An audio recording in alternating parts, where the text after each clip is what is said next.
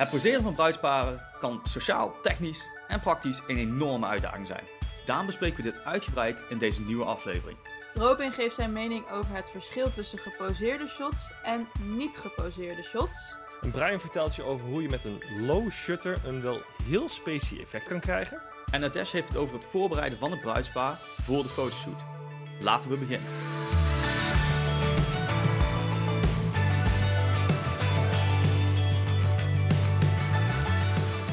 Welkom, leuk dat je luistert of kijkt naar aflevering 3 van Trouwfilms Ambacht, The Art of Selling Memories. De podcast van en voor trouwvideografen. Mijn naam is Brian Duchateau en ik ben vandaag de host van deze aflevering, waarbij ik samen met Robin de Ridder en Nadesh Toulouse het ga hebben over hoe poseer je een bruidspaar.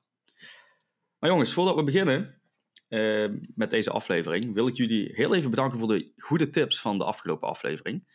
Um, oh. Voor degene die de vorige aflevering niet geluisterd heeft, of nog niet geluisterd heeft, uh, deze aflevering ging over het uh, kennismakingsgesprek met een bruidspaar.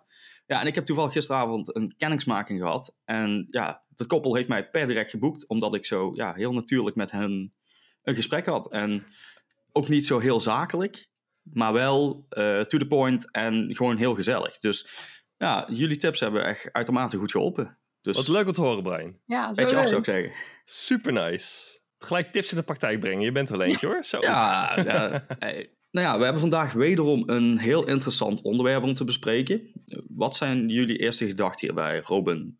Bij het poseren van trouw, bruidskoppels bedoel je dan? Ja, uiteraard. Um, nou, zo in het algemeen. We gaan straks natuurlijk complete deep dive doen op, op, op hoe je het doet en welke tips we hebben. Maar over het algemeen is het een, een heel spannend moment van de dag. Het is ook voor mij als trouwvideograaf een van de belangrijkste momenten van de dag. Omdat je daar eigenlijk is het voor mij het enige moment waarbij ik echt het, gevoel heb dat ik de tijd en ruimte heb om te regisseren. En om hun ook te sturen op een manier dat ik denk dat echt een toevoeging kan zijn voor de trouwfilm die ik maak. Um, dus je hebt, nou, een beetje afhankelijk per bruidspaar, maar je hebt eigenlijk een uur, anderhalf uur de tijd uh, verdeeld met fotograaf natuurlijk, um, om, om daar gewoon ja, maximaal uh, uh, efficiëntie gebruik van te maken. En als je dat niet doet, dan sta je jezelf eigenlijk compleet ja, in de vingers. En ik denk gewoon dat, dat het het moment is om voor de trouwvideograaf om, om te shinen, om echt gewoon een paar hele goede gelikte shots te maken die, die jouw trouwfilm echt body kunnen geven. Oké, okay, Nadesh, hoe sta jij daarin? Ja, een beetje hetzelfde. De shoot is voor mij uh, het meest waardevol vaak voor de trouwfilm. Het zijn vaak de mooiste, nou ja, los van de ceremonie zijn ook meestal mooie shots, maar zijn vaak hele mooie shots die gedurende de trouwfilm terugkomen. Je kan ze ook individueel pakken. En ja, wat je zegt, ik hou niet heel veel van regisseren, maar dat is het enige moment van de dag dat ik het wel doe. Omdat je dan echt, ja, de mooiste gelikte shots kan maken. Ja, ik kan me hier eigenlijk echt wel heel goed in vinden, moet ik zeggen. Want ik vind uh, bepaalde momenten van de dag moet je gewoon niet regisseren. Want dan heb je geen natuurlijke reactie van de bruidspaar. Hmm. Maar ja, tijdens de geposeerde shoot, weet je, waarom niet? En dan kun je ook echt alles uitproberen wat je al een keer hebt willen proberen. Uh, ik persoonlijk heb bijvoorbeeld een mapje met uh, afbeeldingen en videovoorbeelden. Waarvan ik altijd denk van, hey, zullen we zoiets proberen? En dan laat ik het zien en dan ja, het bruidspaar die vindt het meestal meteen geweldig. Dus of ze vinden, ja, dit vind ik juist niks en dat vind ik leuk, weet je. Maar zo kun je wel dus uh, ja, hele mooie geposeerde shots maken die je vervolgens in je film kan verwerken. Maar is het zo dat je dan ook bij elke, bij elk bruidspaar dus letterlijk dat mapje erbij pakt en, en eerst met hun doorgaat? Of hoe, hoe werkt dat voor jou dan? Dat je dat gewoon qua workflow in de praktijk, hoe, hoe, hoe werk je daarmee? Nou, meestal doe ik dat al eerder, zeg maar. Want tijdens mijn contact met een bruidspaar, dan zeg ik ook altijd van... hey, stuur mij een paar foto's of video's met voorbeelden door... en laat me dan even weten wat jullie mooi vinden qua shots. Dan kan ik altijd kijken wat ik daarmee kan doen. Maar hou wel rekening mee, ik zet het wel naar mijn hand... en ik geef dan mijn spin aan, zeg maar. Want ik wil wel dat het iets van mij is en niet van iemand anders. Um, en op de dag zelf, tijdens de shoot, kijken we ook altijd even terug. En dan uh, van ja, vonden jullie dit mooi? Ja, is goed. Nou, dan gaan we dat doen. En zo krijg je ook altijd hele leuke aparte beelden. En ja, weet je, tuurlijk, die map moet wel iedere maand een keer geüpdate worden. Want anders dan is het ook allemaal een beetje eentonig natuurlijk. En doe jij dat ook echt, Brian? Uh, heel eerlijk, niet, al, niet altijd. Maar ik heb sowieso al, en bijvoorbeeld in de afgelopen vijf jaar heb ik nu um, één shot wat in iedere film terugkomt. En dat is gewoon, ik loop op de bruid af, ze heeft er bloemen vast. Ik breng de bloemen in beeld, ik ga me ook en zij kijkt in de camera. Dat is gewoon een van mijn shots wat ik standaard gebruik, vind ik heel mooi. Um, ja, en tegenwoordig kruip ik onder de sluier bij de bruid. Dat is de nieuwe. Dus heb je weer wat anders. Hoe stellen jullie bijvoorbeeld een bruidspaar op hun gemak als ze niet gewend zijn om eh, te poseren? Want dat is natuurlijk ook een heel moeilijk iets. Nadesh, hoe pak jij dat aan?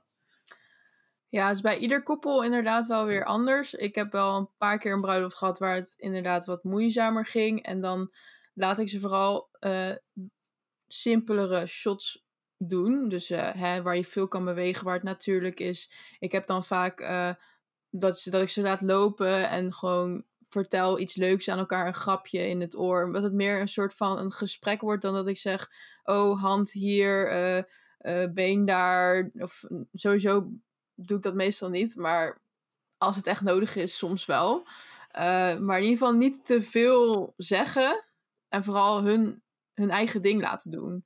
Dus eigenlijk probeer jezelf een beetje in de achtergrond te zetten. En hun gewoon een beetje laten hè, samen zijn en leuk. En als Echt een momentje voor hunzelf geven. Ja, ja.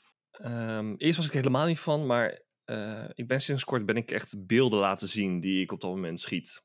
En eerst was ik heel erg van, uh, ik wil alles als verrassing houden voor, voor het bruidspaar. Weet je, je hoeft helemaal niet alles te zien. En uh, je ziet het wel als het klaar is. En ik draai een S-log, dus het ziet er allemaal heel stom uit. En dan, uh, nou ja, hoef je niet te klooien met lutjes op je monitor en dat soort dingen. Weet ik het allemaal. Genoeg reden om het niet te doen. Maar ik ben sinds kort ben ik gewoon gestart met het, gewoon het af en toe eens laten zien van een beeld. Um, of van een shot die ik dus heb gedraaid.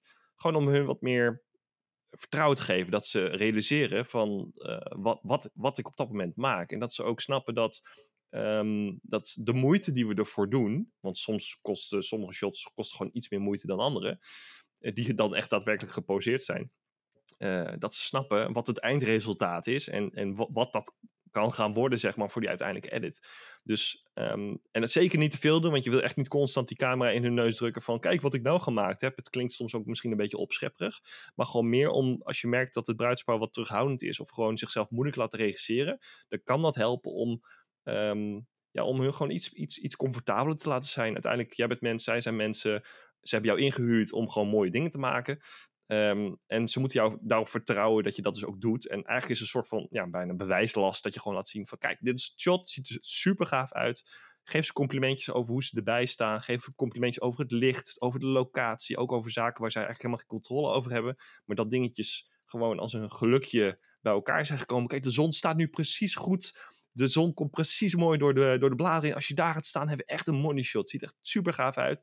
En als je dat enthousiasme een beetje over kan brengen op je bruidspaar, dan, dan gaan ze daarin mee, weet je. Dan worden ze excited en dan, dan snappen ze waar ze het voor doen. En ik denk dat dat een hele belangrijke is om, om je bruidspaar te overtuigen. Zeg je dat ook als de zon aan de andere kant staat? Um, nee, als er geen zon is, dan ga ik niet, dan ga ik niet zeggen van... Kijk, de zon die staat daar. nee, nee, nee, maar goed, dan zijn er altijd wel andere dingen... Uh, die, die een locatie mooi maken. Al is het het grasveldje of die ene boom die daar in het, in het, bij het grasveldje staat... Of, of juist het gitpad dat heel mooi tussen de, dus, tussen de bomen doorloopt. Of weet je, ik bedoel, ja. elke locatie heeft wel iets moois als je maar lang genoeg kijkt. En niet alles hoeft super idyllisch te zijn om het ook op beeld goed uit te laten zien. Dus... Ja. Nadesh, doe jij ook wel eens je beelden laten zien aan de bruidspaar? Ja. Bijvoorbeeld na de shoot of dergelijke? Ja, af en toe tussendoor inderdaad. En uh, ik vind het ook wel gelijk grappig, want ik shoot bijvoorbeeld in SNQ. Dus dat is automatisch al slow-mo beeld. Dus dat ziet er vaak al wat smoother uit. Dus uh, ik weet niet of jullie ook in SNQ schieten, maar ik doe dat wel. En dan is, ik heb toch vaak geen geluid nodig bij een love shoot. Dus dan heb je gelijk al die mooie slow-mo shot. En dan zie je bijvoorbeeld die jurk helemaal zo gaan. En dan is het gelijk, oh wat vet, het is al een slow-mo. En uh, ja. Een stomme vraag misschien, maar waarom heb je geen geluid nodig? Gebruik je daar nooit geluid bij, bij die beelden? Nee. Ja, als ik uh, oh. gefluit van vogeltjes wil, dan kan ik dat natuurlijk ergens anders vandaan halen. Of van een andere moment op de dag dat ik wel geluid aan heb. Maar ik heb bij een love shoot gebruik ik nooit echt het, het geluid wat daar daadwerkelijk is. Nee. Oké, ja, in mijn geval, weet je, stel dat ik dus zo'n shoot heb en het koppel begint gewoon uit zichzelf gewoon keihard te lachen. Ja, weet je, dan lijkt me dat geweldig om erin te verwerken. Daarom dat ik zelf dus ook niet in SQ schiet. Um, SQ staat trouwens voor uh, slow and quick mode, als ik me niet vergis. Uit Hoso voor de luisteraars. Eh, dat is een eh, functie op de Sony-camera's. Eh, wij schieten allemaal met Sony. Tenminste, of iemand moet nu random geswitcht zijn op één dag tijd, maar dat denk ik niet. Wij zijn, wij zijn Sony-ambassadeurs, jongens. Sony. Oh, Oh, ja. oh, oh, oh, ja. Dus Sony, als je dit hoort, eh, ja, ik heb wel interesse in een ambas- ambassadeurstitel. Ik denk Robin en Dash ook wel, dus eh, laat het even weten. Nee, maar kijk, wij, zijn- wij, zijn, wij zijn divers qua twee mannen, één vrouw. Daar hebben we op gelet. Maar we hebben niet echt gelet op eh, welke merken we allemaal op draaien. Dus daar kunnen we helaas geen, eh, geen differentiatie in maken. Ja, maar laten we eerlijk zijn. Ik denk dat we allemaal wel eens met een ander merk geschoten hebben. Nee, zeker, natuurlijk. natuurlijk. Ik bedoel, waar ben jij mee begonnen? Weet je, dat- Ik durf het niet te zeggen. ja, zeg het toch maar. Ik, denk het niet. Nikon. Ik ben, uh, nee, oeh, Nikon. Jeetje, nee, dan ga ik Oh. mijn vingers echt niet... eh, nee, Oeh, dan, oeh. dan zou mijn vinger er letterlijk afvallen The als ik die burn. vasthoud. Oh jee. nee, ik ben, ik ben begonnen op, eh, op Canon. Ja, kom. Ah, Eh, same. ik, een Canon, de Canon eh 600D, dat was mijn eerste, want die had ook zo'n flippy screen. Dat was helemaal de bom. ik ook. En Mooi, toen ben ik man. zelfs semi overgestapt voor, ik denk, een paar weken op de Blackmagic Pocket. Echt het kleine, kleine, super kleine eh Blackmagic cameraatje. Omdat die- dat een van de eerste camera's was die toen RAW kon schieten. Dat moet je je voorstellen. RAW. op zo'n kleine eh, sensor. Ehm, en daarna ben ik eigenlijk eh, ja, op, eh, op eh, Sony overgegaan. Nadat ik eigenlijk een tijdje weer op Canon gedraaid had. Maar dat was niet mijn camera. Dat was meer een camera die ik een jaar lang geleend had van een maat van mij. Eh, en toen heb ik mijn eigen camera gekocht. Dus eh, dat was dus de S2. En nu heb ik inmiddels de S3. En, eh, maar goed, Hmm. ik weet niet hoe relevant gear is eigenlijk. Want op zich is het helemaal niet relevant. Nee, maar daar maar- kunnen we ook weer een hele andere aflevering voor maken natuurlijk. Ja. Maar heel in het kort, hoe, je- hoe, wat, waar zijn jullie mee begonnen? Of hoe, eh, wat is jullie eh, verloop geweest qua, qua merken? Ik ben met dezelfde camera als jij begonnen. De 600D. Van Canon. Ja, Althans, voel- als ik echt... nu voel ik me spontaan oud. Nou jongens, ik voel me op zich best oud, want ik ben gewoon begonnen met een Canon 500D zonder flippy screen, zeg maar. was een van de eerste volgens mij wat gewoon kon filmen in Full HD. en eh, ja, daarna eh, Canon 70D en toen door naar een HG, HG Legria HFG10 of zo. Camcorder, ja, echt een heel apart ding. Die heb ik nog steeds. Dat is eh, mijn, mijn huiscam, noem ik dat tegenwoordig. Als mensen hier vervelend zijn, dan film ik daarmee. Ja, en toen ben ik eigenlijk meteen vanuit die, se- heb ik die 70D weer gaan oppakken. En toen ben ik geswitcht naar Sony. Dus dan zie je maar Hmm. hoe dat gaat. Hebben jullie een top 3 aan poses wat jullie eh, aanraden aan beginners bijvoorbeeld? Wat je zou kunnen doen, Nadesh? Ehm, ja, sowieso. Ik denk dat ehm, de standaard shots die wij sowieso ook altijd doen, is hand in hand lopen. Dat maakt het vaak ook makkelijk. En ik zeg altijd erbij, eh lopen erbij alsof je een drankje te veel op hebt. Dus een beetje tegen elkaar aanlopen. Dat, dat werkt vaak heel goed. En dan krijg je vaak ook lachende gezichten. Ehm, en recht tegenover elkaar, kijken recht in, recht in elkaars ogen, neusje, neusje. Ehm, en ik doe ook vaak de swirl, dus met die jurk, dat de bruid zo de jurk zo even rondje draait. Die vind ik ook altijd heel mooi. En voor beginners is dat ook best een makkelijk en heel mooi shot, vind ik. Ehm, ja, dus dat zijn er drie. Ik, ga er, ik hou het bij de drie, want anders dan, eh, dan ben ik ze allemaal aan het opnoemen. Robin, jij?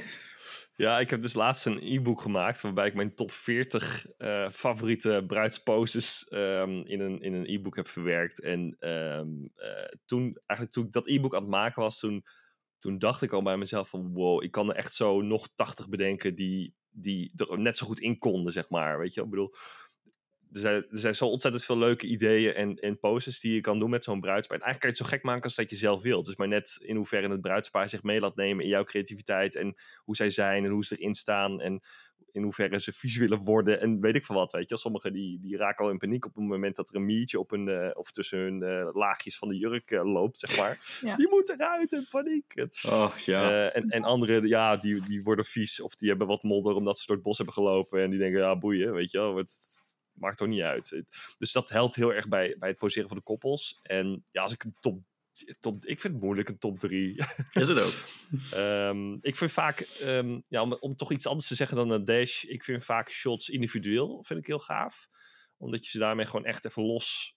Je hebt ze al zoveel in beeld, waarbij ze met z'n tweeën eh, in beeld zijn. En eigenlijk alles met, met echt beweging. Dus ik vind eigenlijk de shots waarbij ze stilstaan en, en, en ja, in elkaars armen hangen, vind ik altijd een beetje saai. Die, ik draai ze eigenlijk meer omdat het gewoon moet. Of omdat je bijna verwacht wordt dat je die shots hebt.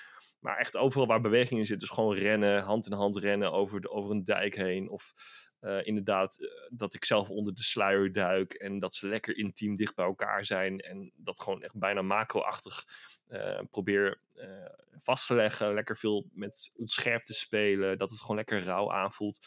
Ehm, ja, Ja, ik vind het wel mooi wat je nu zegt, want je zegt van bijvoorbeeld een statisch beeld vind ik, vind ik saai, maar je doet wel heel nee, veel dat zeg techniek. ik niet. Nee, maar meestal vind je ze saai.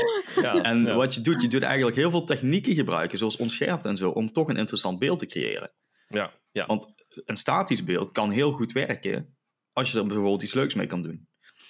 Nee, klopt, klopt. Ja, ik, ik probeer, ik heb mezelf een beetje geprobeerd aan te leren dat op het moment dat ik een statisch shot schiet, dus bijvoorbeeld of van een statief of echt handheld wat gewoon nul beweging heeft, dan moet er voor mij in beeld moet er iets bewegends zijn. Zeg maar. Dus dan, dan moet ik een boom zien die gewoon lekker met de wind meegaat. Of dan moet er een bruidspaar door het beeld heen lopen, rennend of in slow motion, maakt me niet uit.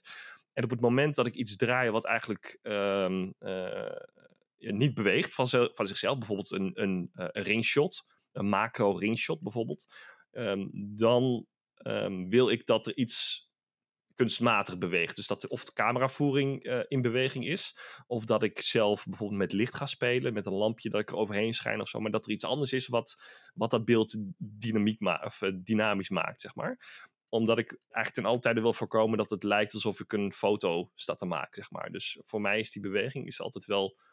eh, op die manier probeer ik een beetje naar beweging en naar eh, het- visuele aspect van mijn beeld te kijken. Maar werk jij dan ook met statief tijdens zo'n eh portraitshoot bijvoorbeeld? Nee, Zo'n fotoshoot? Nee? Nee. Oké, ook gewoon handheld of gimbal? ja, eigenlijk, eigenlijk, an- eigenlijk alleen maar handheld. Alleen maar handheld zelfs. Ja, ja, ja, ja. Ik heb in het verleden wel met veel met de gimbal gedaan en gewerkt. Ik weet van Dash dat zij veel meer met de gimbal doet. Ja, de hele dag. Ik de hele dag de- gewoon. de- des- Wij zijn gimbal mensen, workout mode.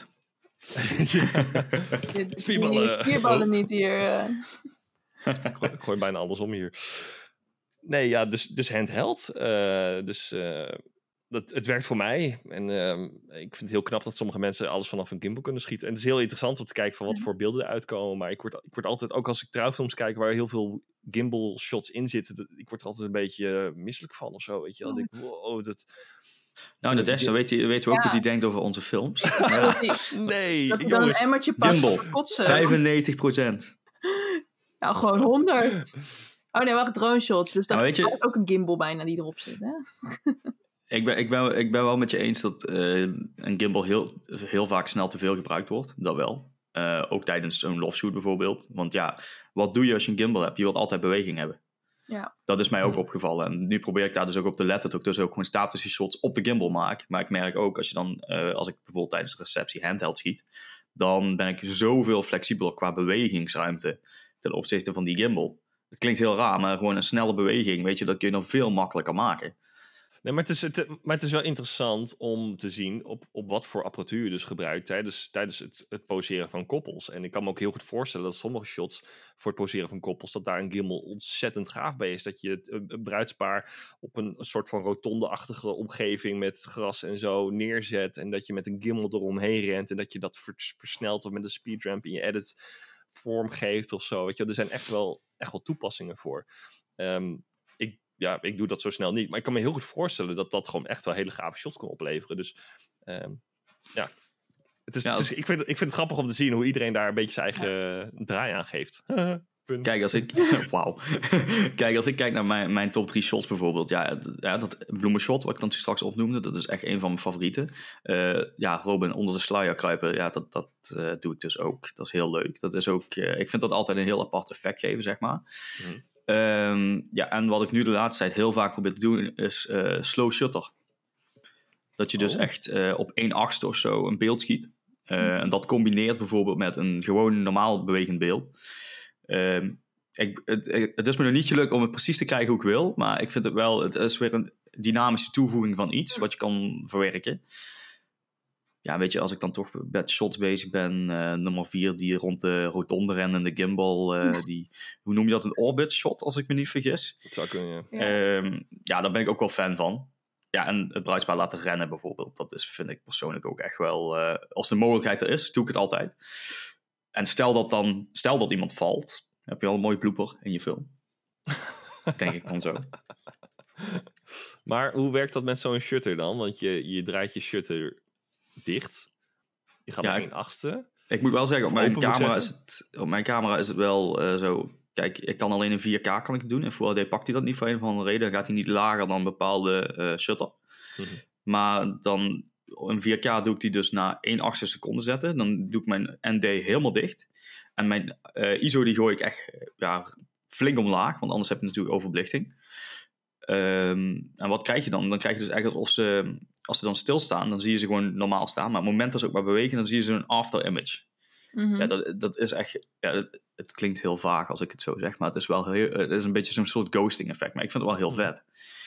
En maar in, welk, in welke toepassing gebruik je dat dan? Is het, Nou, ik heb de laatste keer bij een love shoot gedaan en dan heb ik ze laten rennen door een straatje, zeg maar. Echt door een steegje. En dan ben ik erachteraan gerend en dan zie je echt zo'n heel apart effect. Hmm. En dat flits ik dan over naar bijvoorbeeld een ander beeld van het koppel samen. Zoiets.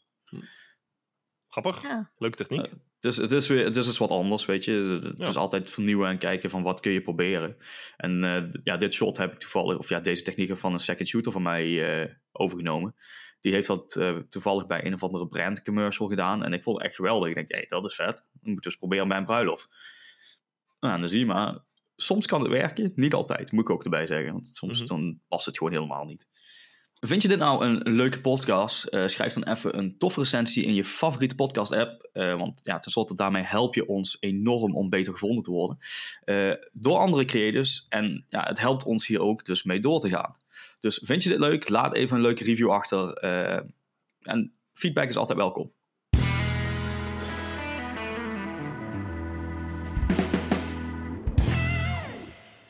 Waar haal je ideeën vandaan, Nadesh? Waar haal ik mijn ideeën vandaan? Nou, een beetje overal wel. Eh, ik kijk graag trouwfilms van andere mensen als ik vrije tijd heb. En vaak als ik mijn YouTube open, dan zie ik ook allemaal aanbevolen voor jou. En dan allemaal weddingfilms. En ik zeg, oké, leuk, even kijken. En dan zie je ook in die video's vaak van, oh ja, dit is vet, dit ga ik doen. En dat sla ik dan op een documentje ergens, een, eh, een screenshot, eh, sla ik dat op. En Instagram zie je het ook natuurlijk, posters voorbij komen. Pinterest heb ik ook een tijdje gebruikt, maar daar ben ik niet zo heel erg van. Ehm, dus eigenlijk Insta en YouTube, ja, de social media eigenlijk. En dan sla ik het voor mezelf ergens op, eh, zodat ik het altijd bij de hand heb. En jij, Robin, doe je dat ook? Ja, ik heb mijn eigen e-book gemaakt, dus eh, dat is mijn inspiratie. Hoeveel posters Nee. had je daarin staan? ja, 40. Jezus.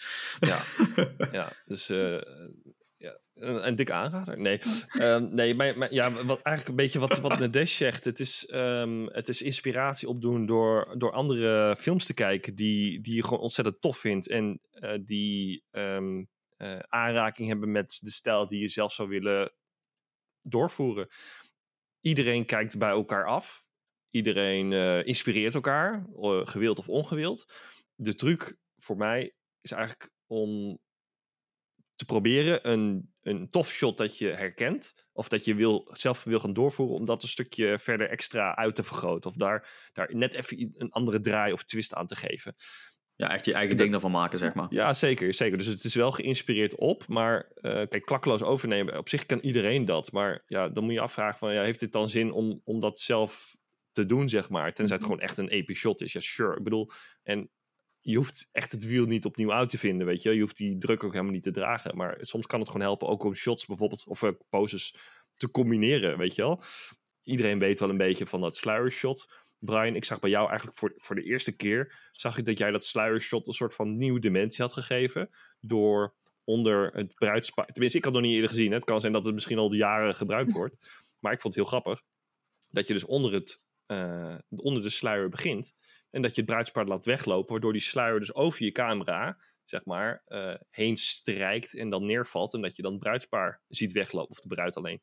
Ehm, en dat is wel op hoe je dus een, eh, een normaal idee, dus een normaal shot van zo'n sluier, een extra dimensie kan geven door er gewoon anders mee om te gaan. Ik vond dat gewoon wel echt een heel tof voorbeeld. Ehm, dat ik echt dacht van wow, dat is echt gek, weet je wel. Tof dat je dit alweer uitpakt. Ja, ik heb goed, ik weet niet of jij het natuurlijk of zelf bedacht hebt of dat jij dat misschien ook weer ergens anders hebt gezien, maar tot nu toe kan ik alleen maar jou de credits geven, dus bij deze. Dank je, dank je. Maar dat vond ik echt, ja, dat vond ik echt gaaf. En dat, eh, en dat helpt wel weer om ook weer voor mij en ook ongetwijfeld voor andere, andere mensen die dat zien, dat ze denken, oh ja, dat is weer een hele andere manier. En andere mensen die zullen dat misschien één op één overnemen. En anderen die zullen weer denken van, oh, dit ga ik weer oppakken en weer een eigen draai aan geven. Ehm, ja, en dat, dat zorgt er wel voor dat het blijft evolueren. En dat je echt wel gave dingen kan blijven maken die ook constant weer vernieuwend zijn. Dus dat zou ook mijn tip zijn weer naar de luisteraar. Uh, probeer daarin wel altijd iets verder te kijken dan het klakkeloos overnemen van. Want het is, dat is eigenlijk te makkelijk. Dat, is, dat zou echt jammer zijn. Maar het gebeurt wel. Ook ik doe het. Ja. ja, maar we doen het allemaal. Weet je, dus hoe je zegt, iedereen kijkt bij elkaar af. Ik bedoel, toevallig het sluiershot, dat is echt per toeval gewoon zo ontstaan. Hm. Want ik kroop gewoon onder de sluier om een normaal sluiershot te maken. En voordat ik wist, liep de bruid weg en had ik in één keer zo'n shot dat de sluier dus viel over de camera. En toen had ik zoiets van, hé, hey, dit is het. Ja. Dit is vet. Ja. En wat ik dan persoonlijk nog vetter vind, is als je hem dan in reverse afgooit of zo, weet je wel. Dat je, dat je net die twist eraan geeft van wat gebeurt. En um, je kunt zo creatief zijn met dit soort dingen. Je kunt ook beelden combineren met zo'n sluiershot, weet je. Want ja, het is toch allemaal wit en heel veel opties wat dat betreft. Mm -hmm. Maar Nadesh, jij zei net Pinterest. Dat gebruik je niet zo. Waarom gebruik je dat niet? Nou, ik gebruikte het. Maar eerst nu niet meer. Want ik zit er gewoon. Instagram is al genoeg social media voor mij op zich. en YouTube ook. Dus. Ja, want als je nagaat, ik hoor heel vaak van bruidsparen, die komen dan naar je toe met foto's van, van Pinterest. En dan, uh, dit wil ik graag als shot. En dan is het zo van, ja, maar dat is in de Himalaya's ergens uh, met de opkomende zon. en uh, dan denk ik bij mezelf, waar gaan jullie trouwen? Ja, in de bossen. Ja.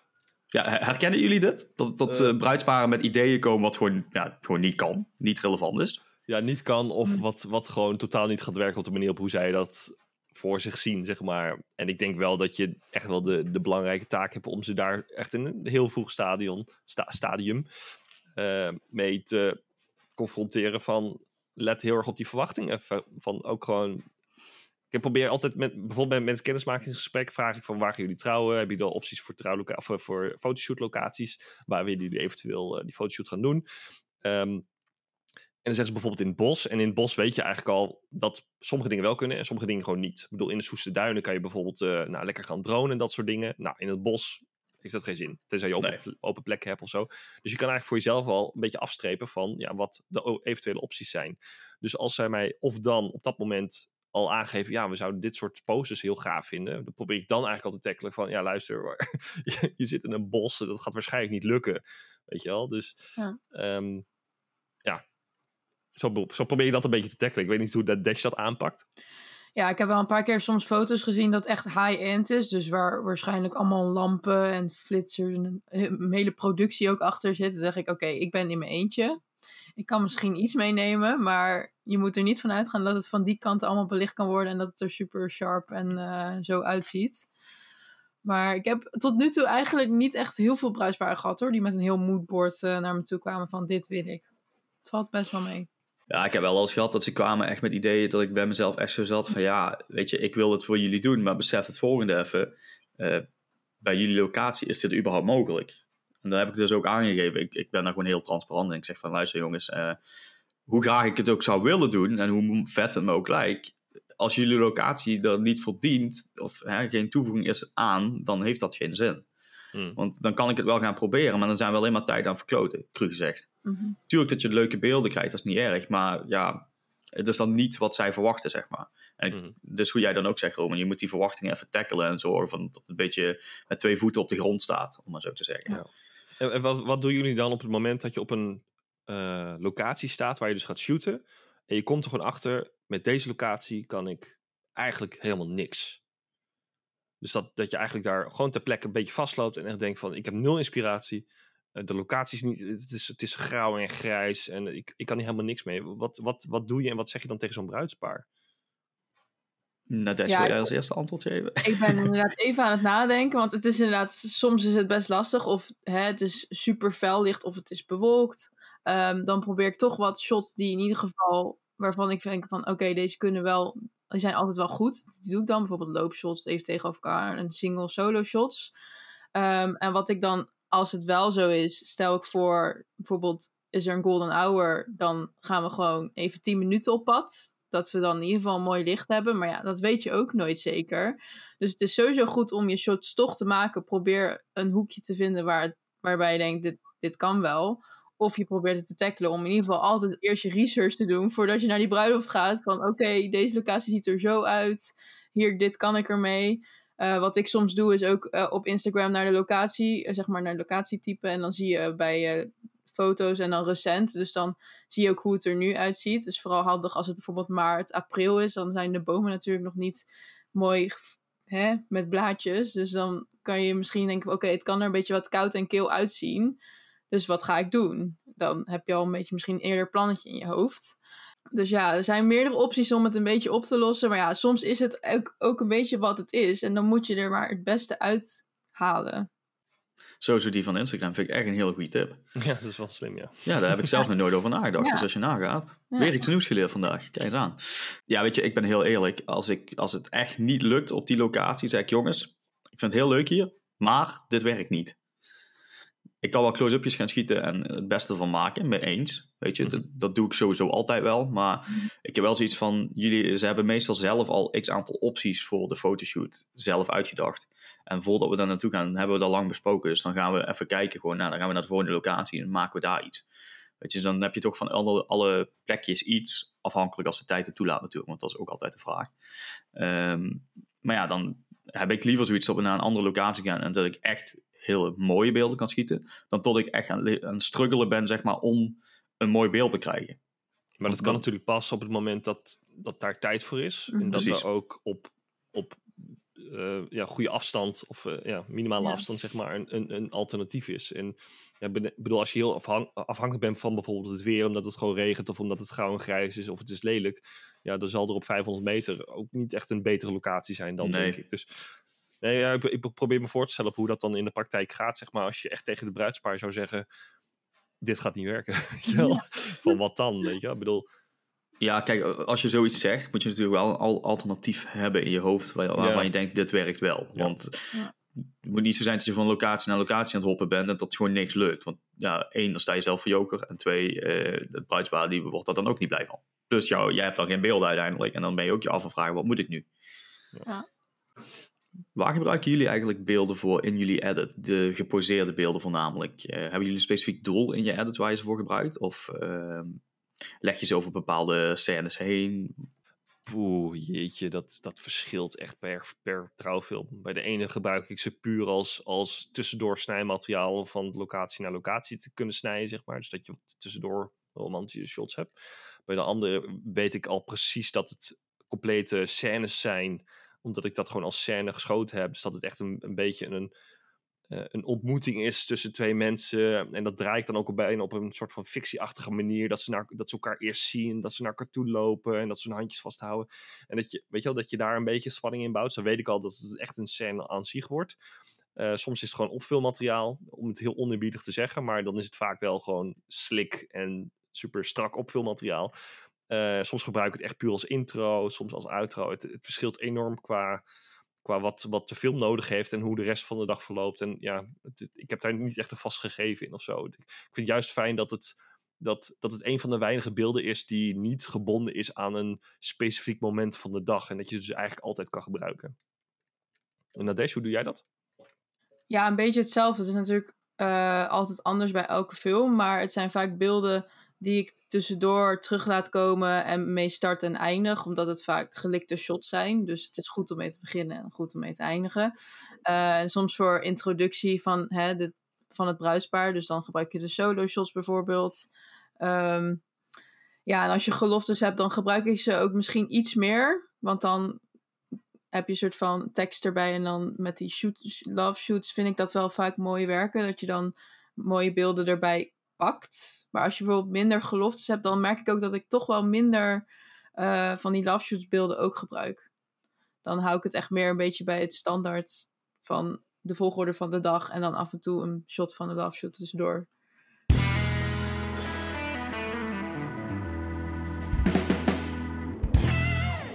Dit is dus nog best wel. Ik kan me voorstellen voor de luisteraar dat het nog best wel vaag is en nog best wel misschien oppervlakkig over zorg ervoor dat het, eh, dat het er niet geposeerd uitziet of dat soort dingen. Maar wat zijn voor jullie nou echt concrete tips die je echt toepast om juist dat effect te kunnen bereiken? Kunnen jullie, kunnen jullie daar iets over zeggen? Wat, wat, zijn echt de, de, de tools die je tot je beschikking hebt om, ehm, ja, om ervoor te zorgen dat, dat, dat, dat, ja, dat, dat je dus dat effect krijgt, dat je dat resultaat behaalt? Ik zie Brian kijken alsof hij echt denkt van, wat? Ja, nou, laat, laat ik zo zeggen. Ehm, dat was uh, mijn één navolgende vraag. Oh, ah, Ehm, oké, sorry. Maar dat is, niet, dat is helemaal niet erg. ik, Ehm, jat, ik jat het.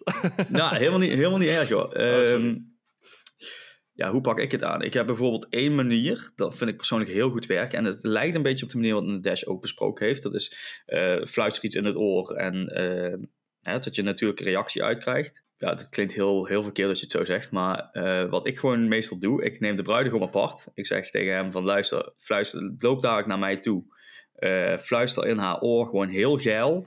Gewoon aardbei, framboos, fruitsoorten, eh uit ABC, verzin iets randoms. Eh, je mag er je eigen spin aan geven.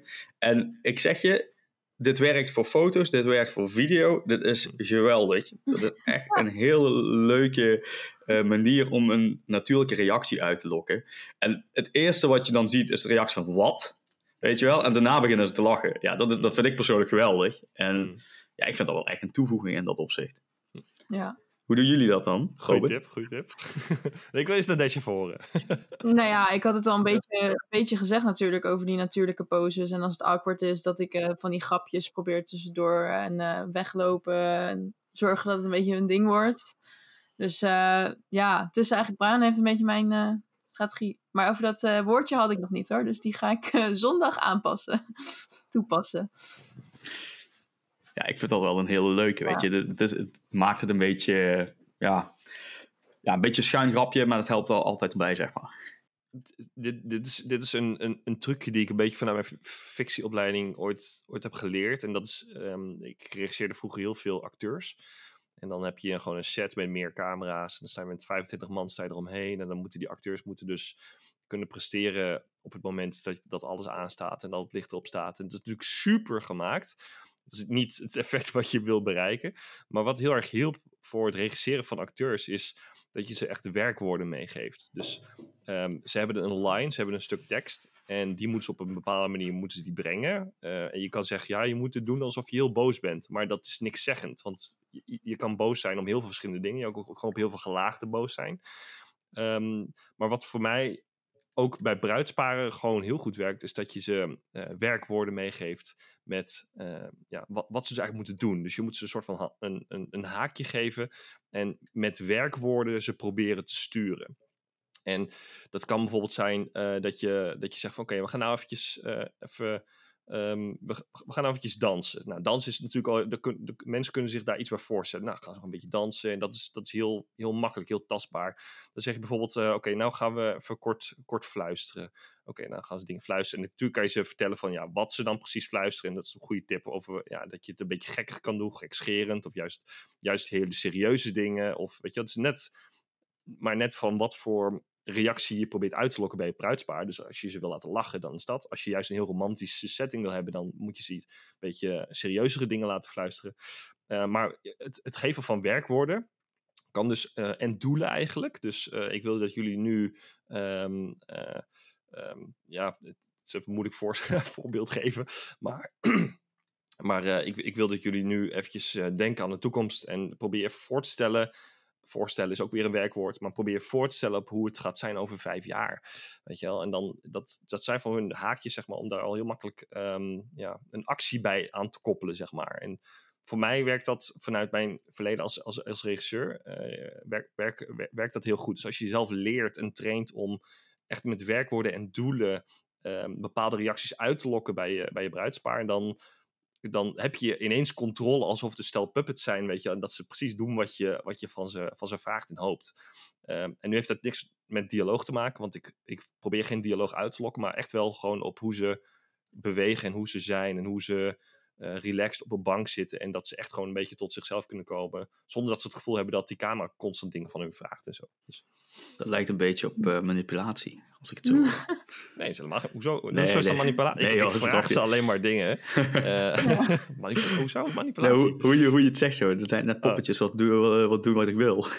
Ja, maar goed, uiteindelijk is dat. Ik, ik, denk, maar dat, dat is toch ook wat jij doet. Ik bedoel, dat is toch uiteindelijk ook van wat je hoopt. Je, je probeert Ja. controle te hebben over, over, over de mensen. En dat. En, eh, kijk, of ze het doen, dat is uiteindelijk aan hun, weet je wel. En dat heeft ook weer te maken met hoe, ze hoe, hoe vertrouwd ze zijn met jou. eh, en, en of, ze, je- of ze je geloven, weet je wel. En soms kijken ze je aan, of kijken ze mij aan, van waarom vraag je dit van ons? Waar- waarom moeten we dit doen? Hmm. Weet je wel? Wat, wat, dit staat helemaal nergens op, weet je wel. Maar dat heb jij misschien ook, dat, dat je aan hem, aan hem vraagt van ja, fluister even aardbei eh, in, de- in de oor, Ja, weet je wel. ja, dat ze ja, misschien ook ja. in eerste instantie denken, wat, wat slaat dit nou weer op, weet je wel. Dus het is ook een stukje overtuigingskracht en dat ze ook realiseren waar ze het voor doen en wat dan ook mogelijk resultaat zou kunnen zijn.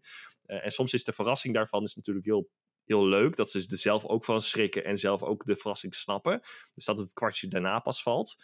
Ehm, maar ik heb zelf misschien toch liever wat meer controle over dat ik ook gewoon een, een, een reactie of een pose of iets probeer uit te lokken waarbij ze dat op voorhand misschien niet hadden gedacht en later ook gewoon snappen van, oh ja, nu snap ik van waarom je dit van ons hebt gevraagd. Ja, en dan komt bijvoorbeeld die truc om eh, het beeld even te laten zien eh, aan het koppel natuurlijk ook. Ja, onder andere, zeker. Ja. Ja. Ja, ja, dat kan gewoon heel erg helpen. Dan zeg je van, nou, we hebben dit gedaan voor dit beeld. En dan laat je dat zien en denk je, zo, oh ja, oh wauw. eh. Ah. Ja. Wat vinden jullie het, eh, ja, echt het, grote verschil tussen een geposeerd shot en een ongeposeerd shot? Want ik denk voor de luisteraars die eh, pas beginnen, ja, weet je, die denken van, ja, wat is nou echt geposeerd en wat is niet geposeerd? Nadesh. Ehm, nou, bij een geposeerd beeld zie ik gelijk voor me dat het ook dat ze stilstaan. Dus dat ze niet meer bewegen. En vaak kijken ze dus in de fotocamera, omdat de fotograaf vaak de geposeerde shots doet. En bij minder geposeerd, dan is het juist inderdaad dat je ze ziet lachen, eh, haartjes goed doen. Of dat ze in ieder geval bewegen. Dat er leven in het shot zit en interactie met elkaar. En geposeerd is voor mij inderdaad vaak heel statisch en stil, omdat je dus een stilstaand shot hebt. En vaak doe ik ook, dan denk ik, ja, ik kan hier niks mee omdat ze stilstaan. Dus dan wil je ze juist weer laten bewegen. En dat is heel mooi wat Robin dan nu, Robin eh, net zei over die tips. Dat je ze eigenlijk een soort van doel geeft, een taak. En dan, hebben ze, dan zijn ze ook een beetje uit die geposeerde flow. En dan hebben ze meer iets te doen. Ik denk dat dat een hele goede is. Ja, inderdaad, bij mij zijn geposeerde shots ook gewoon stilstaande shots, zeg maar. En in de camera kijken en, en noem maar op. Eh Robin, ervaar jij dat ook zo?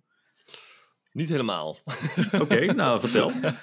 Eh, ja, het is, het is meer een definitiekwestie, denk ik. Maar Hmm. ik denk dat geposeerde shots de shots zijn waarbij ik invloed heb op wat zij doen. Op wat voor manier dan ook. En dat de ongeposeerde shots zijn de shots zijn waarbij ze niet weten dat ik film. Ja, Snap je? Dus, ja, ja dus- absoluut. Ja. Ja. En dus ongeposeerd is voor mij misschien wat documentaire-achtig, wat meer registrerend, wat meer op de achtergrond, zonder dat ze het doorhebben. Dus dat, dat zijn eigenlijk alle shots die, die je maakt van hun, de- waarvan ze later zeggen, oh, ik wist helemaal niet dat je toen ook filmde. Weet je, een beetje dat. Ja. En de geposeerde shots zijn eigenlijk alle shots waarvan ze weten dat ik in de buurt ben en waarbij ik een soort van direct iets van hun vraag, waar ze dus op moeten handelen. Wat het dan ook is, of ze nou, stil, want een stilstaand shot kan ook geposeerd zijn. Eh, hoe ik het zie, hè. Eh, dus dat kan ook zijn van, ik wil dat jullie daar op dat bergje gaan staan naast die mooie boom, omdat de zon precies heel mooi in de linkerbovenhoek staat. En Mm. eh, ga daar even staan, heb een momentje voor jezelf, eh fluister dingen in oor. Ik ga op een afstand staan met, met een groothoeklens, bij wijze van spreken. Ja. Eh, dat kan ook geposeerd zijn, omdat ze bewust zijn van het feit dat ik daar dat shot maak. Dus dat kan hun ook al heel erg of sturen of juist belemmeren in wat zij doen, omdat ze weten, er staat een camera op mijn hoofd en ik moet, wij moeten hier nu iets mee doen, weet je wel. Hmm. En als je ze dan geen doel geeft, dan blijven ze staan en wachten ze totdat je iets zegt. En als je ze wel een doel geeft van, oké, loop vanaf de boom naar het kerkje en weer terug. Ehm, en op de heenweg doen jullie dat hand in hand lopend. Op de eh, terugweg eh, gaan jullie met z'n tweeën rennen en schreeuw je alle daken bij elkaar, bij wijze van spreken. Ehm, en, en dan hebben ze weer een doel en nou, ja, dan, dan is het weer minder geposeerd. Dus ik denk dat, daar, het- ik denk dat het vooral een definitieverschil is. Ja, ik vind het heel mooi hoe je zegt dat het bruidspaar dan eh, de film gaat kijken en dan zegt van... hey, ik wist helemaal niet dat je een film was op dat moment. Ja. Ja. Dat heb ik zelf natuurlijk ook al heel vaak gehoord. En ik denk naar Dash ook wel. Ja. Ja. dat vinden ze meestal nog het leukste van alles, omdat ze het niet verwachten. Dus ik denk dat dat Ja. wel een Ja. hele goede is ook. Van, ja, natuur, ja, dan krijg je echt natuurlijke reacties ook van alles, zeg maar. Dus als je dan ziet dat een bruid kwaad wordt, dan zie je het dus ook. Moet je niet in de film gebruiken natuurlijk, maar het kan. Hè? Ehm, Elke emotie is goed hè, in je film. Ja. Ook precies. ze kwaad, maakt niet uit. Een vechtpartij die uitbreekt, gewoon, gewoon filmen. doen, gewoon doen. Gewoon doen. Gewoon Altijd doen. blijven filmen. Als Altijd het dus begint te stormen, gewoon blijven filmen. Ehm, houden jullie, hoe houden jullie een bruidspaar enthousiast eh, tijdens zo'n shoot? Want eh, dat is natuurlijk ook wel een uitdaging af en toe. Heb je wel eens een bruidspaar gehad wat echt gewoon geen zin had in de shoot? Nadesh? Nou, geen zin, niet, niet zozeer dat, maar misschien wel ehm, het een beetje spannend vinden. Ik denk van, vaak zijn bruidspaar is het de bruid van, oh, ik weet niet hoe ik moet poseren, eh, vind het mezelf moeilijk om zo terug te zien. Ehm, ik denk dat het leuk, of ja, het is denk ik goed dat je zelf ook heel enthousiast bent. Zoals misschien al eerder in de aflevering gezegd van, oh kijk, dit is mooi licht, gaan we hier staan en we zetten jullie nu hier neer en dan af en toe wat laten zien, zodat ze ehm, een idee krijgen wat je ook daadwerkelijk aan het doen bent. En niet dat, het, dat je een beetje stil eh de hele tijd zit te filmen en dingen zegt en dan, eh, dan is het afgerond. Dan begin je ook niet echt lekker de dag of zo. Ik denk dat het gewoon goed is om je, je lekker enthousiast te blijven. Ook weer niet te, maar gewoon een soort middenweg dat je wel vrolijk bent op zo'n shoot. En niet heel erg van, oh, je moet nu dit, oh, en we hebben nog kort tijd. En oh, we moeten nu snel dat. Eh, Een beetje een soort echte regisseurachtig gedrag gaat vertonen. dat je overspannen bent of zo. Ik denk dat het goed is om gewoon lekker vrolijk en enthousiast te blijven op zo'n shoot. Ondanks dat je misschien denkt, het gaat moeilijk. Ik zou echt een beetje gewoon vrolijk blijven, ja. Maar je zegt ook eigenlijk, vergeet gewoon de tijdsdruk. Want dat is natuurlijk Ja. ook zoiets. Want als je je daardoor laat leiden, dan wordt het sowieso een stuk lastiger. Ik zeg altijd, wees de steunpilaar voor het bruidspaar. Dus op het moment dat zij het niet meer zien zitten, wees degene die dan, die dan tegen hun zegt van, ah, laten we, laten we misschien toch even, ik snap, ik snap dat je zo voelt, laten we toch even proberen. Ehm, eh, realiseer dat je kleinkinderen mogelijk eh, dit soort beelden nog gaan zien. Dus je legt een klein beetje druk bij hun neer van, nou, wel een beetje. En dat, Ja. en dat kan ook echt wel tot een zekere hoogte. Ik denk dat dat echt wel je taak is ook. Omdat je hun ook moet behoeden voor keuzes die ze op dat moment maken. Die ze vanuit emotie doen. Omdat het een hele emotionele dag is die, waar ze later mogelijk spijt van krijgen. Je kan als videograaf en als fotograaf. En als leverancier kan je, je bent dienstbaar naar het bruidspaar. Dus ik vind dat je ze daar ook voor moet, moet behoeden en voor moet beschermen. Door ook gewoon te zeggen van, als we nou nog 10 minuten doorgaan, dan staat die zon precies goed. Of dan kunnen we nog net even dat ene toffe shot maken die we al tijdens kennismaking hebben besproken.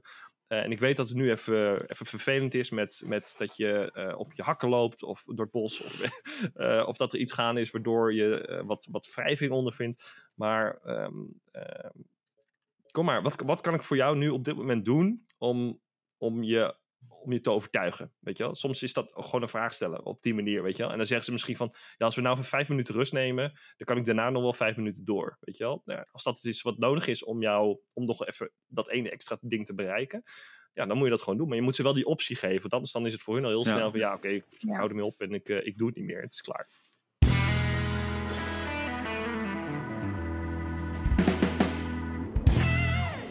Oké, nou jongens, ik denk dat we al eh, redelijk veel besproken hebben. Ik stel voor dat we naar de luisteraarsvragen gaan. Altijd leuk. Want die hebben we luisteraarsvragen. Ehm, de eerste vraag wat we binnen hebben gekregen is van Bas. En Bas vraagt, wat doe je als een bruidspaar geen shoot met geposeerde beelden wilt? Ja, Wauw. Overtuigen dat je ze toch wilt. oké. Eh, hoe zou je dat aanpakken? Ehm, nou, ehm, bij mij, in mijn geval, en dit is denk ik voor iedereen anders, dus het kan zijn dat jullie een heel ander antwoord geven hoor. Maar voor mij is het zo dat als het bruidspaar geen geposeerde beelden wilt, dan is het gewoon niet mijn bruidspaar. Dan, want dan kan ik gewoon niet het product maken wat ik zelf graag zou willen maken voor hun. En ik weet dat ik dat materiaal gewoon nodig heb voor de type films die ik maak. En dan probeer ik ze dus te overtuigen van, eh, van dat ik het dus wel heel graag wil. Een beetje hetzelfde als met geloftes. Ehm, ik, ik druk heel erg op het hart dat, dat ik heel tof zou vinden voor gelofte. En ook daar zijn natuurlijk weer heel veel verschillende vormen in. Dat ze elkaars gelofte voorlezen of die van zichzelf op welk, moment van de dag. Dat ze het in dichtvorm doen. Of voor mij vertel je een verhaaltje. Of doe je alleen het audio of draai je met video erbij. Je? Er zijn heel veel lagen over hoe je zoiets kan aanpakken. Maar ik wil iets van gelofte hebben. En daarbij dus ook, ik wil iets van het bruidspaar, iets van posing couples hebben. Die, die mijn film gewoon veel meer body geven. Dus ik probeer ze te overtuigen. En als, het, als ze voet bij stuk houden, omdat ze het gewoon echt niet willen dan, is het, dan zeg ik gewoon tegen ze, nou ja, dan zou ik gewoon een andere trouwvideograaf overwegen. Ja, dan, dan is het gewoon niet anders. Nadesh lacht. Ja, ja, ja Nadesh, wat is jouw reactie hierop?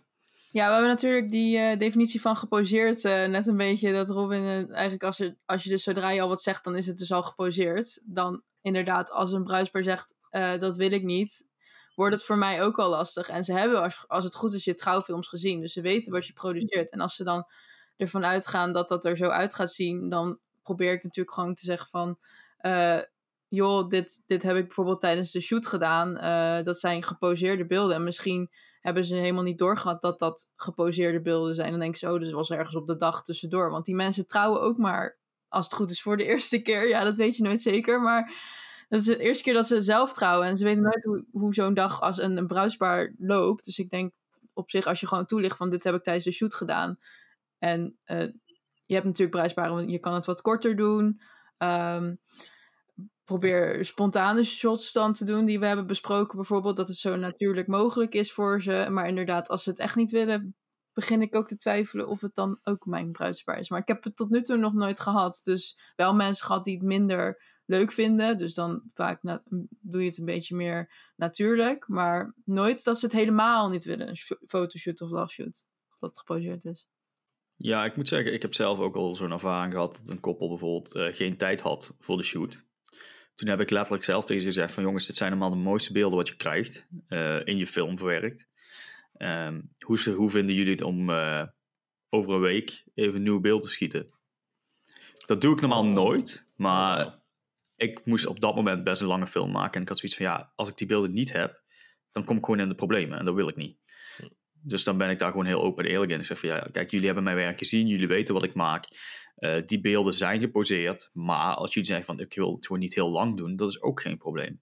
Maar doe het op zijn minst, al is het maar even voor die paar mooie beelden, wat jouw trouwfilm uiteindelijk voor de komende 30 jaar een heel stuk mooier maken. De volgende vraag is van Arnoud. Hij vraagt: Wat als de fotograaf de rol overneemt tijdens de shoot? Oh jeetje. Ja, het is, is, een dat eens, is, is, dat wel eens gebeurd bij jullie? Is er wel eens een, een fotograaf geweest die jullie shoot overnam? Uh, Niet zozeer ja. overnemen, maar misschien meer wel echt continu dingen willen. Dus dat ik bijna geen tijd had, of tenminste als ik wat zei, dan was het wel even dat doen. En daarna ging de fotograaf weer gelijk. Maar dit was wel inderdaad echt een beetje toen ik net begon, want dan ben je wat minder, dus een beetje wat meer misschien toch terughoudend, denk ik. Uh, maar nu stem ik van tevoren af van nou, hè, we wisselen het gewoon om en om. En als jij aan het schieten bent, dan film ik ook. En dan andersom, dat kan ook.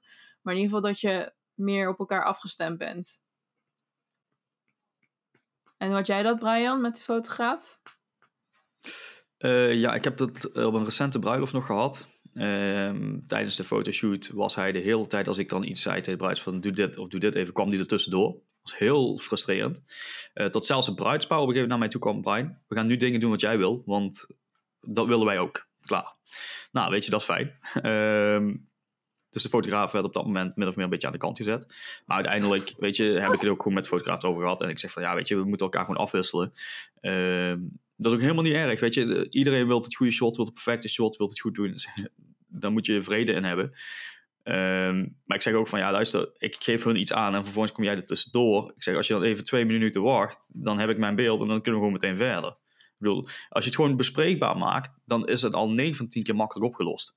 Ja. Maar er zijn heel veel mensen die zijn, hè, vooral in het begin zijn ze terughoudend en doen ze dat niet. En uiteindelijk hebben ze daar misschien dadelijk spijt van.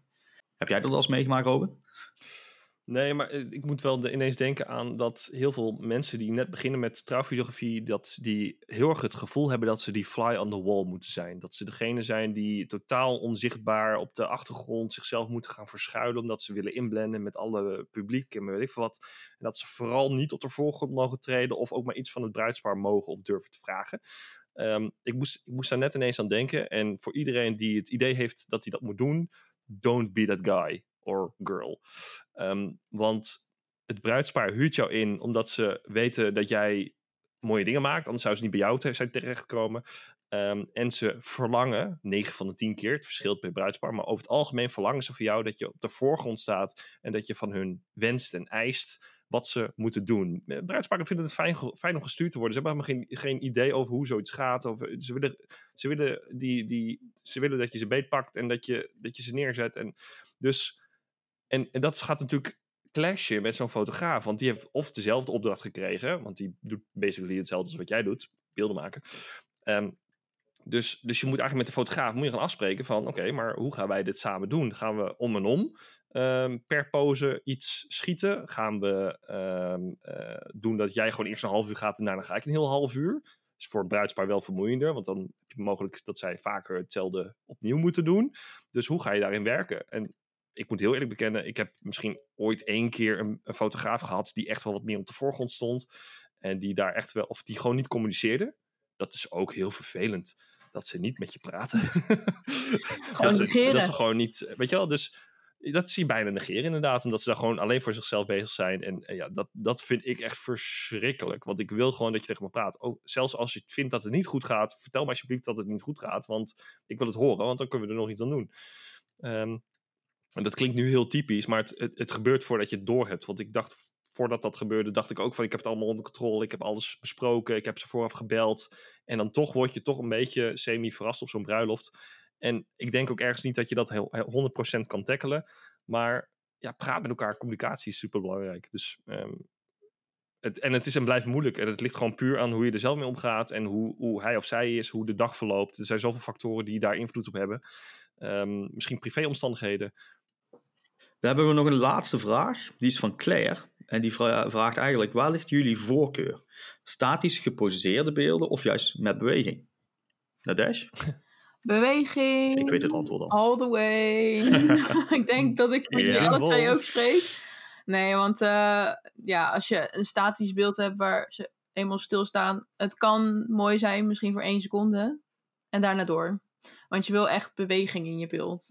En nou ja, ik film inderdaad alles van de gimbal. Dus dan ben ik inderdaad ook geforceerd om te bewegen en mensen laten te bewegen. Dus uh, ja, beweging. Hmm. Maar wat als het, wat als het dan een, een statisch beeld is en zij staan stil, maar het gras beweegt? Ja, ik, ik dacht al dat je zoiets ging zeggen. dan heb je ook beweging. Ja, ja, en bij fotoshoots dan... ook altijd wel een beetje dat ik ergens een voorgrondje vind. Dus een boom die wat hangt. Bijvoorbeeld dat je een beetje soort iets ervoor hebt. Uh, en dan kan je er zo beetje zo'n shot er doorheen doen of zo. Dat kan, ah. dat kan. Maar toch, ik hou meer van beweging. Zeker. Uh, ik had vroeger het idee dat Um, en dat praat ik even vier jaar geleden, dat elk shot die ik maakte, dat daar iets van movement in moest zitten. Dus dat, dat ik of van links naar rechts ging, of van rechts naar links, of dat ik inging of uit, of weet ik wat, dat alles, weet je wel, um, qua compositie, dat, dat je erin gezogen werd of niet. Ik ben er steeds, eigenlijk naarmate ik meer ervaring krijg, ben ik steeds meer vanaf monopod of vanaf uh, tripod gaan schieten. En ik heb zelfs mezelf een keer geforceerd om een uh, hele ochtend, uh, dus met aankleden van de bruid en bruidegom, om alles vanaf statief te draaien. Gewoon echt om te forceren van, oké, wat gaat het doen met mijn beelden? ik moet heel eerlijk zeggen, um, ik ben blij verrast eigenlijk met het resultaat, omdat het um, wat meer een soort van... Ik, ik heb het idee dat het een filmischer effect geeft. Een statisch shot van een statief geeft voor mijn gevoel een filmischer shot dan wanneer alles vanaf een gimbal geschoten wordt. Omdat alles en iedereen wordt eh, gebruikt gimbals tegenwoordig. Dus niet om iemand te dissen, maar dat is gewoon puur wat ik, ja, ja, wat ik uh, opmerk, wat mij opvalt. Ja, en, en, en, en ja, hoe ga je jezelf dan weer onderscheiden? Dat door, door gewoon echt weer iets meer terug naar de basis te gaan met... Oké, hoe... Um, in plaats van dat ik kijk naar beweging, laat ik eens gewoon kijken naar licht. Laat ik het gewoon eens benaderen als een foto. Hoe ga ik hoe ga ik met licht spelen? Hoe ga ik, waar, waar ga ik mijn camera neerzetten? Gewoon hele simpele dingen. Wat is de handeling van de bruidegom terwijl hij zijn jasje aantrekt? Wil ik dat in silhouet schieten tegen het raam aan? Of wil ik hem vanaf aan profiel, zijkant, pakken wijd, pakken close? Alles voor statief. En dat forceert je gewoon heel erg om uh, ja, gewoon weer een nieuwe, ja, een nieuwe manier van denken. En hoe, hoe ga je zoiets in beeld uh, brengen? En ja, zolang je geen vaste stijl hebt. Want sommige trouwvideografen hebben dus echt een vaste stijl ehm, kan je daar gewoon lekker in blijven experimenteren. En kan je het gewoon per bruidspaar dat gewoon een beetje aanvoelen van, eh, oké, wat, wat kan werken en wat niet. Ik vond het heel leuk om een keer te proberen. Dan zijn we aan het eh, einde gekomen van deze aflevering. Vond je dit nou een toffe aflevering? Schrijf dan even een leuke recensie in je favoriete podcast-app. En deel deze aflevering eh, met andere collega's binnen de trouwbranche. Bedankt voor het luisteren en tot de volgende keer.